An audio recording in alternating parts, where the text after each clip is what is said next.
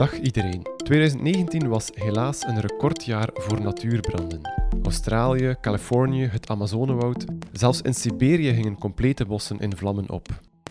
De komende jaren mogen we helaas meer van dat verwachten, ook dichter bij ons.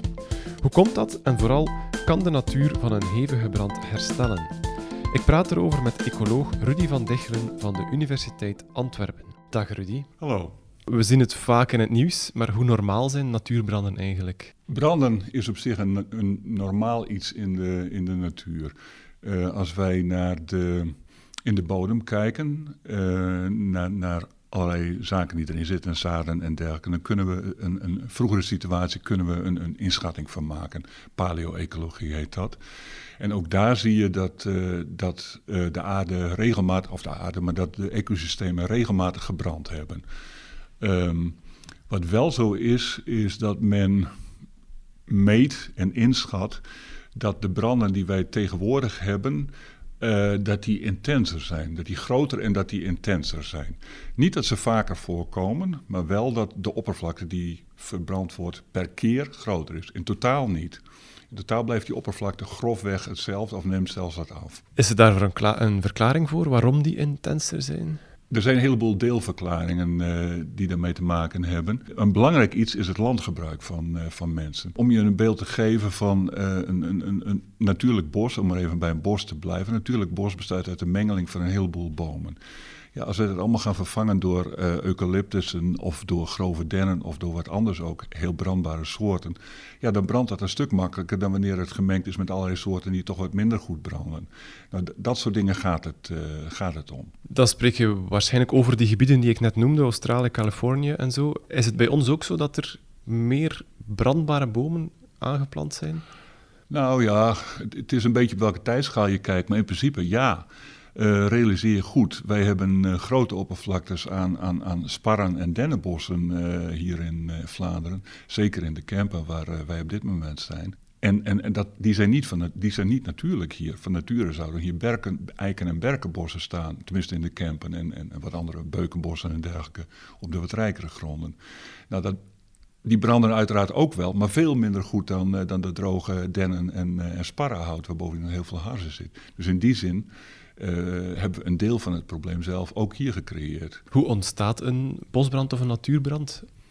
Ja, dat kan op, alle, dat kan op allerlei manieren kan het, uh, kan het ontstaan. Um, uiteraard in het grijze verleden, het hele grijze verleden, uh, was het vooral natuurlijk, dus bliksem over het algemeen. Dat is nog steeds zo, dat gebeurt ook nog steeds. Maar niet, niet heel vaak. het overgrote deel is door mensen veroorzaakt. Uh, iedereen weet dan natuurlijk altijd die verhalen van uh, dat mensen met opzet gebieden afbranden omdat ze hotels of, of, wat anders willen bouwen. Maar het is vooral onachtzaamheid. ik heb dat nog even wat nagekocht als voorbereiding hierop. Want ik had ook het idee dat het vooral met opzet gebeurt. Ja, dat is dus ongeveer 10% schat men dat met opzet is. Men schat dat de procent of 5 à 10 door bliksem is. En de rest gewoon onachtzaamheid. De beroemde sigarettenpeukjes die weggegooid worden. Barbecuen buiten wat niet goed gedoofd wordt. Nou ja, dat soort dingen. Hoe ontwikkelt zo'n natuurbrand zich dan? We zien vaak dat het ontspoort. Uh, is het altijd zo? Ja, ja, ja. Wat, wat, wat is ontsporen? Ontsporen, dat is natuurlijk hoe je als mens daar tegenaan kijkt. Hè? Om, om een voorbeeld te geven, toen ik, uh, toen ik nog maar relatief kort hier bij de Universiteit Antwerpen werkte in 2011 was het de grote brand in, uh, in Kalmthout. Dus word je uiteraard word je dan gebeld door journalisten, door de televisie, radio enzovoort enzovoort. En als je met die mensen praat, dan blijkt al, die vinden dan zo'n brand heel erg. Uh, als je met die mensen praat, dan blijkt toch vooral wat er heel erg aan is, is het feit dat uh, huizen bedreigd worden. Uh, voor die heide, dat is, is een keer brand, dat is niet zo'n drama. Het is misschien voor de individuele uh, hagedis en kikker en, en, en, en, vogel die daar zit, minder fijn uiteraard. Dat is duidelijk, maar voor het ecosysteem heide is dat niet zo'n drama.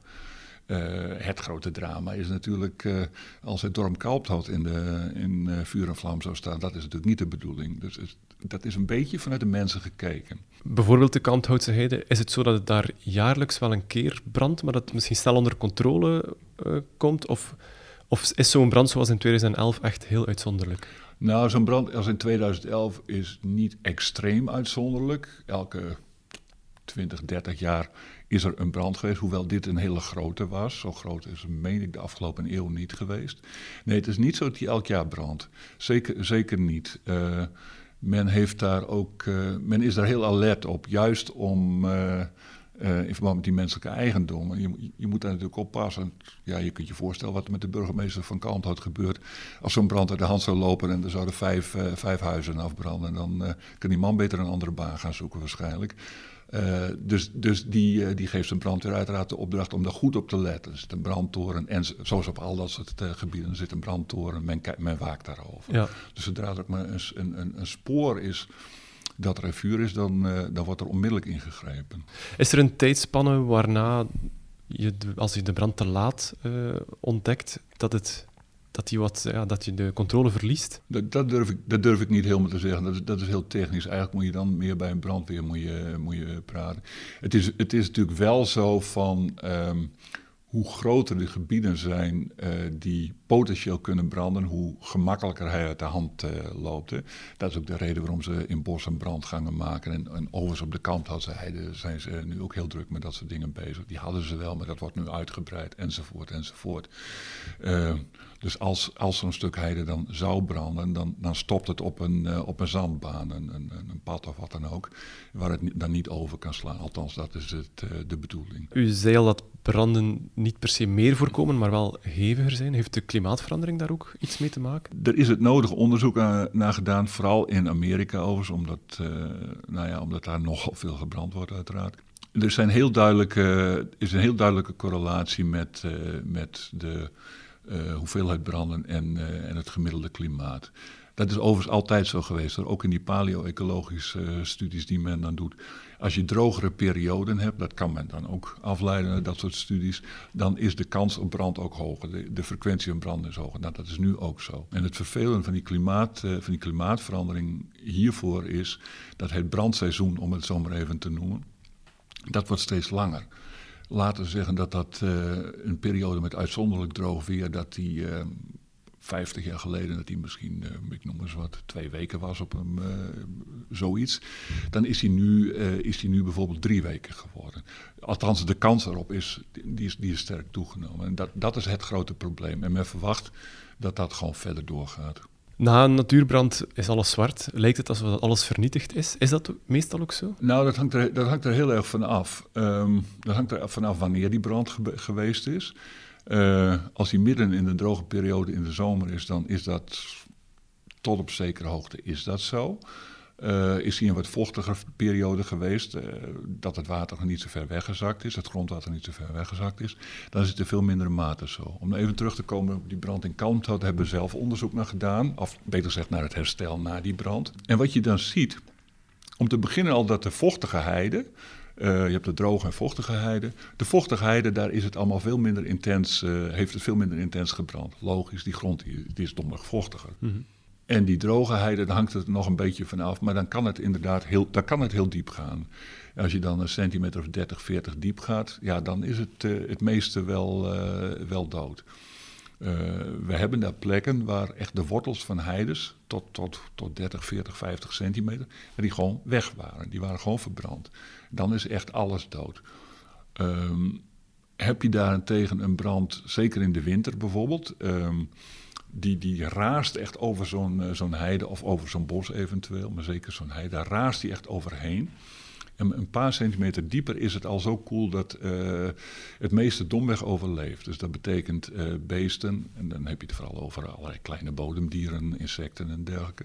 Die, uh, die overleven er gewoon. En die kruipen na afloop van zo'n brand of in het voorjaar kruipen ze gewoon weer omhoog. En dan, dan, dan functioneert het ecosysteem gewoon. Die heides die lopen gewoon uit, enzovoort, enzovoort. Maar als het zo'n intense brand is, dan wordt het een ander verhaal, want dan moet alles van buiten komen. Ja, ja hoe keert de natuur dan terug als het, als zo'n uh, intense brand geweest is?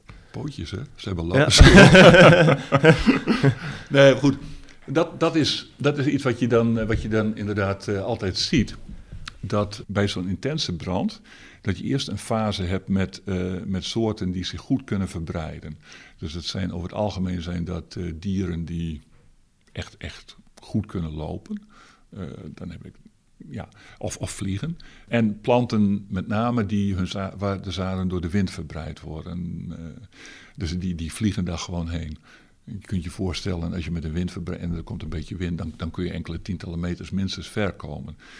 als je zaden door mieren getransporteerd worden, zulke planten bestaan ook, ja, dan duurt het al vrij lang voordat die mieren enkele tientallen meters gelopen hebben. Vooral omdat er in een verbrand gebied niks voor die mieren te halen is. Dus die gaan er gewoon niet heen. Dus die eerste soort planten die komt er wel in.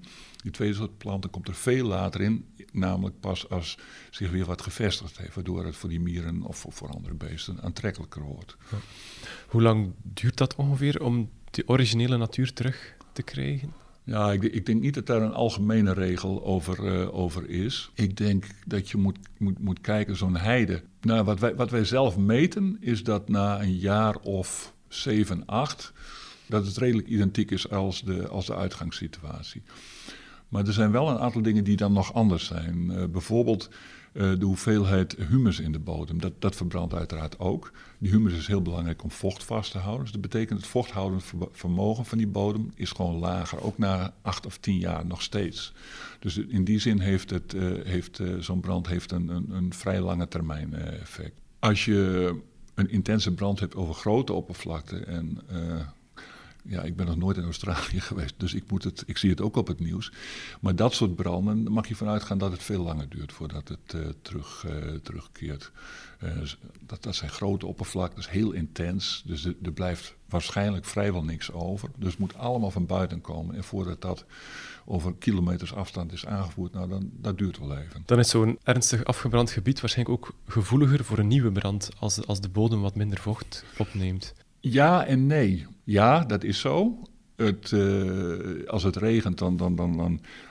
Een groot deel van het water drinkt, zeker kort na zo'n brand, kort na, dat betekent de eerste jaren na zo'n brand, betekent het, dan, dan drinkt dat niet of nauwelijks in die bodem uh, op, dat klopt. Tegelijkertijd moet je realiseren dat heel veel van, het, uh, van, de, van de brandstof, namelijk de droge heidestruikjes, de droge takken enzovoort, enzovoort, die zijn gewoon weg. Dat is ook een reden waarom men, uh, waarom ook vanuit de, de, de, de brandweren tegenwoordig veel genuanceerder tegen heide- en bosbranden aangekeken wordt dan vroeger. Zeker heidebranden. Er wordt geëxperimenteerd, niet op groot schaal nog, maar er wordt geëxperimenteerd, ook door brandweer, uh, met, uh, met heides die bewust afgebrand worden. Simpelweg om ervoor te zorgen dat je niet een hele dikke laag van dood heidemateriaal hebt, waar als er een keer een vonk in komt, dat uh, meteen in brand vliegt. Als er niks is, dan is er ook niks om te branden. Ja. Dus dat, dat wordt dan nu af en toe gedaan om een bepaald gebied bewust in brand te steken, ja. onder controle te houden ja. en te laten afbranden? Ja. ja. Maar dat zijn, dat, nogmaals, dat, dat, zijn, dat is wel experimenteel. In Vlaanderen is de enige plek waarop ik weet dat het bewust op wat, wat grotere schaal gebeurt, het Nationale Park, uh, de Hoge Kempen. Daar wordt bewust de heide gebrand om, uh, om hem te verjongen, om de dode oude heide eruit te krijgen. Grootschalig, ja, kijk, grootschalig, dan hebben we het over een paar hectare. Hè. Dat, is, dat is niet zoals in Kalpert hier, waar uh, een paar honderd hectare in uh, lichterlaaien stond. Hoor. Dat, dat, dat gebeurt allemaal wat kleinschaliger. Maar dat is de enige plek die ik in België weet. En in Nederland gebeurt het ook kleinschalig, maar ook alleen experimenteel. Maar zoals gezegd, uh, in het verleden, het recente verleden, vijf à tien jaar geleden, was het eigenlijk vooral vanuit uh, natuurbeheerders. Tegenwoordig zijn er ook een aantal brandweerkorpsen uh, die zeggen van nou, laten we eens gaan kijken wat dat, wat dat oplevert en die ook voordelen erin zien. Ja. Wanneer worden die meestal afgebrand dan? In de winter. Ja. Eigenlijk ja. altijd in de winter. Dat heeft, uh, dat heeft het voordeel om te beginnen dat, uh, dat het vrij droog is. Uh, dat heeft ook het voordeel dat de bodem over het algemeen redelijk verzadigd is met water. Hè. Gewoon in de herfst regent het gemiddeld genomen veel, dus die, die, de, de bodem aan zich is vochtig. Uh, dus men probeert te branden meestal in een, in een periode dat het wat vriest. Dus boven de grond is het dan droog, in de grond is het dan vochtig. Ja. Dan kan men het onder controle houden, want het is natuurlijk niks zo vervelend als dat zo'n uh, zo'n uh, zo'n brand uit de hand loopt. Want dan heb je echt een probleem, ja. uiteraard. U zei al dat de, de, humus afgebrand wordt, dat zijn ook voedingsstoffen voor ja. de planten die hier groeien. hebben uh, het roet en de assen, hebben die dan nog een, een, voedingswaarde? Of is het dan ook qua voedingswaarde leeg na een brand? Nee, het is, het is niet leeg. Ook, dat is een, een, ook daar is een beetje een genuanceerd plaatje. Uh, enerzijds is het zo dat die brand die zorgt ervoor dat allerlei voedingsstoffen die opgeslagen zitten in hout, dus bos in de stammen. Maar heide is uiteraard ook, die, die oudere heide, die, die is ook houtachtig. Die heeft houtachtige stammetjes, zo 30, 40 procent van die heide is ongeveer hout. Die worden dus weer vrijgemaakt door zo'n brand. Uh, en daarnaast moet je niet vergeten, wij, uh, wij zitten met een stikstofoverschot hè, in, uh, in dit deel van de wereld. Vlaanderen, Nederland, Engeland. En daardoor is het voor natuurbeheerders vaak heel moeilijk om natuurgebieden in stand te houden. Heide is daar typisch een voorbeeld van. Dat, dat gaat heel snel gaat dat fout door te hoge stikstofdepositie uit de lucht, industrie, landbouw, auto's. En zo'n brand zorgt ervoor dat het eigenlijk dat het makkelijker, uh, makkelijker wordt. Simpelweg omdat een groot deel van die stikstof die in die heide staat opgeslagen, die gaat domweg de lucht weer in. Die verdwijnt. Ja. Helaas is dat maar het equivalent van jaren 5, 6. En uh, ik zou er niet voor willen pleiten om elke zes jaar de heide in de brand te steken. Ja, maar, maar, goed, in die zin helpt het wel. Ja. Dus er zit eigenlijk al te veel voeding in de bodem van de heides. En een bosbrand, eh, of een brand is dan goed om, om, om het tot armer te maken. Omdat het net noodzakelijk is dat het armer bij ons, is. Bij ons wel, ja, bij ons wel. Um, als je in andere delen van de wereld komt, daar zijn ook de nodige studies gedaan. Uh, dan klaagt men over het algemeen inderdaad dat de, heide, uh, sorry, dat de brand ervoor zorgt dat, uh, dat een bodem verarmt. Simpelweg wat ik net noemde. Een deel van die stikstof gaat gewoon de lucht in. Mm -hmm. En verdwijnt dus uit een bodem. bij ons is het zo dat veel van die, van, die, van die ecosystemen oververzadigd zijn, met name met stikstof. En dat door zo'n brand dat de ontwikkeling een tijdje de goede kant uit gaat. De stikstofbeschikbaarheid wordt lager. Zijn er dieren en planten die zich hebben aangepast aan natuurbranden? Uh, misschien dan vooral in gebieden waar het, waar het vaak voorkomt? Ja, die zijn er wel. Ik, ik heb mijn hoofd zitten pijnigen over of ik hier bij ons dieren en planten weet. Ik weet ze niet. Het meest bekende voorbeeld uh, van, soorten die, van een soort die zich heeft uh, aangepast aan, aan branden is de mammoetboom in, in wat is het, Californië. Die, die hele reuze hoge boom van 100 meter. Die heeft vuur nodig voor zijn zaden om te kiemen. Die hebben zo'n dikke zaadheid dat die, dat die vuur, vuur is nodig om ervoor te zorgen dat die, dat die soort kiemt. En die soort zelf die heeft een hele dikke bast, een hele, hele, ja, hoe moet je dat noemen? Het lijkt wel haar, er zitten zit een, zit een vezels op. En die soort zelf brandt dus eigenlijk niet, zo goed als niet. Dus die kan het vuur gewoon overleven. Uh, en die verjongt zich dus alleen maar in, in, in vuurperiodes.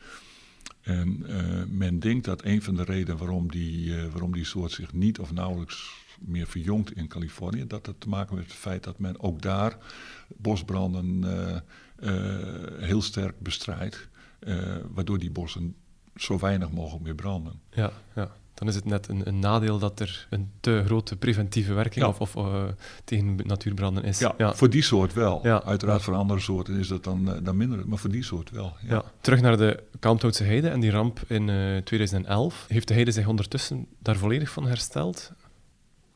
Nou ja, die heide is heel behoorlijk hersteld, laat ik het, laat ik het zo zeggen. Um, uit ons eigen onderzoek, dat hebben we in opdracht van AAB, de natuurbeheerder, gedaan, komt naar voren die stukken die gebrand hebben, uh, dat de hoeveelheid heide die er staat, heideplanten, dat dat eigenlijk is toegenomen. Die heide heeft zich gewoon verjongd door het, uh, door het branden. Dus in die zin is het, is het positief. Uh, wat ik al zei, de hoeveelheid humus in de bodem, die is wat veranderd. waardoor het waterhoudende vermogen van die bodem toch nog steeds wat lager is. Um, in hoeverre de hele insectenwereld, we hebben er wel wat naar gekeken, maar ja, dat is een heel complex verhaal. In hoeverre het zich helemaal hersteld heeft, durf ik niet helemaal te zeggen.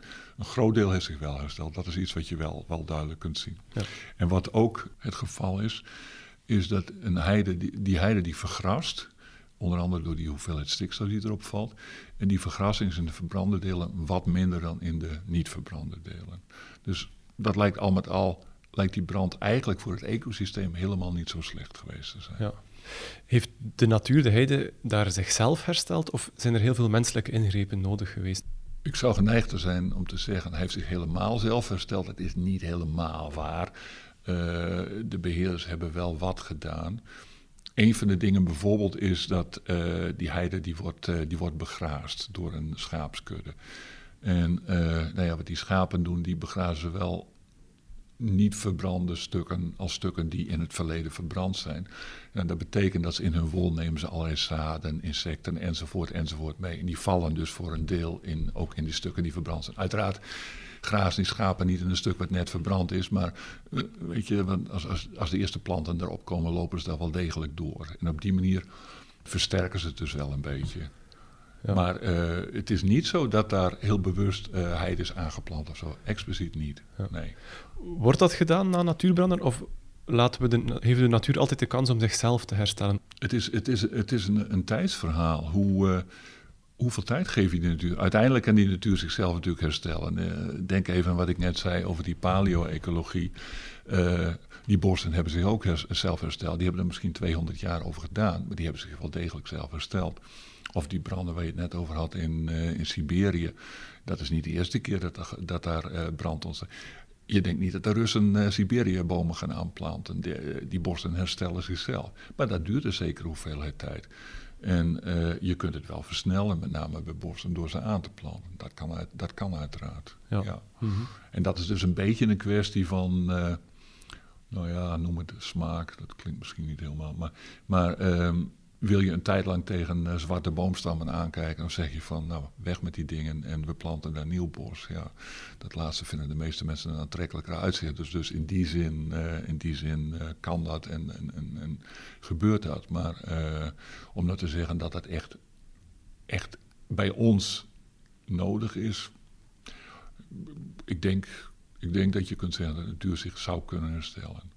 Anders is het verhaal in zoiets als Australië. Als je echt hele grote oppervlaktes hebt, dan moet je op een bepaald moment zeggen van, nou ja, ofwel we accepteren dat dat uh, 100, 200 jaar lang dat bos domweg aanwezig is. Ofwel we zeggen van, we gaan dat proces versnellen door uh, daar tot op zekere hoogte bij te helpen. Kunnen we de natuur ook helpen om beter bestand te zijn tegen toekomstige natuurbranden? Ik zou zeggen, we kunnen er twee belangrijke manieren uh, bij helpen. Het eerste is door ervoor te zorgen dat onze bossen weer meer natuurlijk worden. En niet allemaal, uh, ja, ik noem het als lucifershoutjesbosjes worden. Uh, met, met, met met name naaldbomen. Die zijn economisch natuurlijk heel aantrekkelijk. Dat is de reden waarom dat gebeurt. Maar uh, ze branden ook heel erg goed. Dus, dus in die zin, als we ervoor zorgen dat we ons bos, zoals het met een mooi woord heet, verloven. meer loofbomen erin hebben, dat helpt zeker. Het tweede is, je moet je goed realiseren dat wij overal en nergens waterstand, water afvoeren, de waterstand verlaagd hebben. Ons hele landschap wordt verdroogd.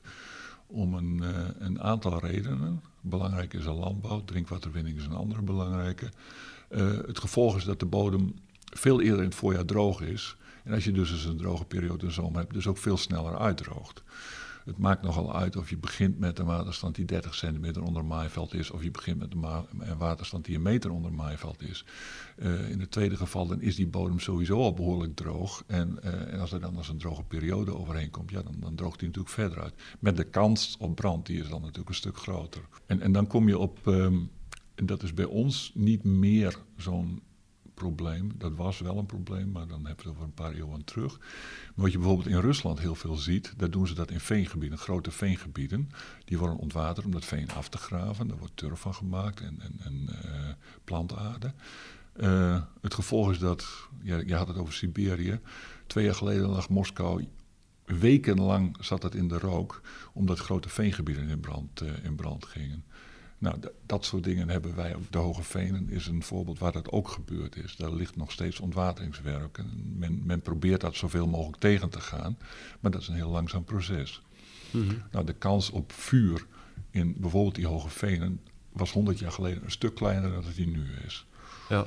In Vlaanderen hebben we geen hoge venen, dus dat, in Vlaanderen is dat niet zo'n punt. In Vlaanderen is meer heide en bosbranden. Maar... Ja. En bij ons is de heide dan het, het grootste risicogebied? Nou, heide en naaldbomen beide. Ja.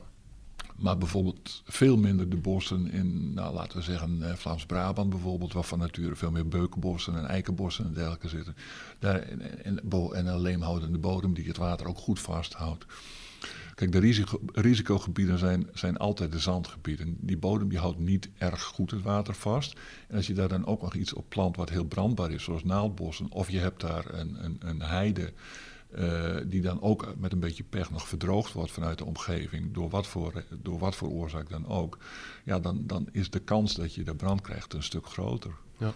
Over die droogte, de voorbije twee of drie zomers zelfs, hadden we lange periodes van extreme droogte. Waarschijnlijk komen er nog meer van die uh, droogtes aan. Is dat misschien nog een veel grotere uitdaging voor de natuur dan, dan bosbranden op zich? Nou ja, het, het is, het is en-en. Uh, natuurlijk, um, een bosbrand die kun je tot op zekere hoogte technisch onder controle houden, mits, je, jouw brandweer goed uitgerust is, goed op de hoogte is en nou, early warning systems, wat heb je allemaal niet. Um, kun je dat op zekere hoogte onder controle houden. Uh, de droogte kun je natuurlijk niet onder controle houden, het weer kun je niet onder controle houden. En het is inderdaad zo, en dat is zonder meer waar, dat um, als gevolg van droge jaren dat er duidelijke verschuivingen in de natuur te zien zijn. Ja. En je mag verwachten dat dat toeneemt, zeker. Kunnen we de, de, natuur daarin helpen om beter bestand te zijn tegen die droogtes? Of wat kunnen we daar tegen ondernemen om voorbereid te zijn op die droge periodes? Nou, wat we kunnen, wat we kunnen doen, is dat we gebieden natter maken. Wat wij nu doen, is dat wij overal en nergens gebieden ontwateren, zodat we eerder landbouw kunnen, uh, kunnen plegen. Daarnaast gebruiken we grote hoeveelheden uh, water ook als drinkwater en industriewater. Maar om je een beetje gevoel te geven, uh, die getallen zijn er voor zover mij bekend niet voor heel Vlaanderen.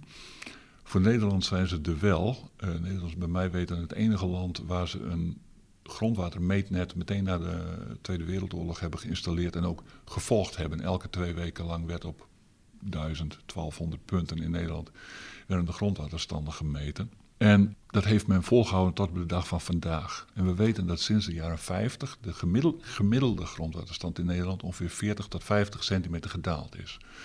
Nou, dus een halve meter maal, nou, hoe groot is Nederland? 30.000 vierkante kilometer. Dus dan heb je over een paar kubieke kilometers water die, uh, die elk voorjaar in zee geloosd worden, omdat, uh, omdat men ontwatert. Denk aan al die slootjes, grachtjes, you name it.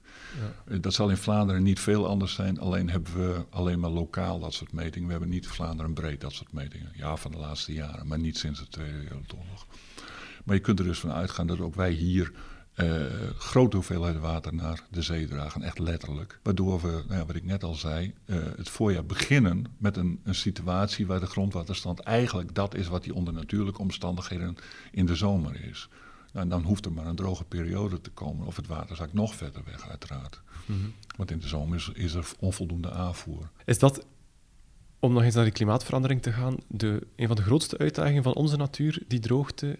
Er zijn, er zijn natuurlijk een aantal uitdagingen op, uh, op komst. Maar droogte is een, is een heel groot, is een essentieel probleem voor, voor feitelijk al onze natuur. Dat is, dat is één. Het tweede is dat, er, uh, dat de temperatuur omhoog gaat. Dat betekent dus, uh, dat, dat, lijkt misschien niet veel, anderhalf of twee graden. Iedereen denkt van nou, dan is het lekker warm in het voorjaar in plaats van al die, die natte Belgische zomers. Maar maar uh, het betekent gewoon dat we een gemiddelde temperatuur gaan krijgen die nu in, laten we zeggen, Midden-Frankrijk of zelfs Zuid-Frankrijk uh, gehaald wordt. Dus dat betekent dat, dat onze eigen natuur die verdwijnt hier. Die moet in theorie naar het noorden opschuiven. En wij krijgen hier natuur vanuit het zuiden. Althans, die dieren en planten die zich goed kunnen verbreiden. Of soorten verdwijnen gewoon. Om je een voorbeeld te geven, uh, wat dat betreft een van mijn, uh, mijn medewerkers die heeft uh, recentelijk onderzoek gedaan naar veenvlinders. Dat zijn vlinders die, die, die feitelijk zijn het ijstijdrelicten. Dat zijn beesten die um, aangepast zijn aan de toch wat meer ehm, noordelijke en oostelijke omstandigheden. Die hebben het bij ons altijd uitgehouden in Ardennen en in kleine veentjes. In de Ardennen houden ze nog steeds stand. In de kleine veentjes verdwijnen ze langzaam. Want simpelweg Waarschijnlijk, waarschijnlijk, dat weten we niet zeker, maar waarschijnlijk simpelweg omdat het, eh, omdat het wat warmer wordt, waardoor die omstandigheden anders worden, waardoor die beesten het niet meer, uh, niet meer bolwerken. Nou, uh, je mag verwachten als de temperatuur nog verder stijgt, dat ze vroeger of later ook uit de Ardennen zullen verdwijnen. Nu is er nog geen schijn van, uh, dat is nog niet in zicht hoor, maar als dat twee graden zal verwarmen, wow, dan gaan dat soort, dat soort dat soort dieren en eventueel planten gaan dan, uh, gaan het loodje leggen. Een niet zo heel positieve noot om mee te eindigen. Nou ja, ik, ik, ach, ik weet het, ik, ja, ik weet het niet. Kijk, uh, voor, voor, voor, voor, die, voor die dieren natuurlijk niet. Tegelijkertijd krijgen we natuurlijk ook weer dieren en planten uh, vanuit het zuiden krijgen we, krijgen we hier. Het vervelende is alleen dat de snelheid waarmee die klimaatverandering gaat, die is een stuk hoger dan wat de meeste, de meeste, meeste planten met name, maar ook een heleboel dieren, kunnen bolwerken. Uh, dus die, hou, die, houden het gewoon niet bij. Die worden als het ware ingehaald door de klimaatsveranderingen. Er is bijvoorbeeld gekeken naar um, naar, naar, bossen die zich uitbreiden naar het noorden. Laten we zeggen in Siberië en in, in Noord-Noorwegen en zo. Nou heb ik de getallen niet helemaal in mijn hoofd, maar ik meen dat die bossen zich uit, gemiddeld uitbreiden met 2 meter per jaar en de klimaatsverandering met 20 meter of zo. zo zoiets. Dat, dat soort getallen gaat het dan om. Dus dat betekent die bossen houden dat gewoon niet bij. Die, gaan, die breiden zich wel degelijk uit naar het noorden, maar met een veel te laag tempo. Ja. En, uh, en dat soort dingen, daar is bij ons niet zo gek veel onderzoek aan gedaan uh, in, in, in, onze, in de gematigde zone. Wel wat, maar dat wijst ook die kant uit. Dat een deel van de beesten het niet bij kan. Dus dat betekent dat het dingen gaan veranderen. Oké, dan wil ik u bedanken voor uw eh, heel duidelijke antwoorden. Bedankt. Jullie luisteraars, bedankt voor het luisteren. Vergeet niet om je op deze podcast te abonneren. Delen mag uiteraard ook. En ook via onze website www.eoswetenschap.eu of nieuwsbrief blijf je op de hoogte van de nieuwste wetenschap. Tot een volgende aflevering.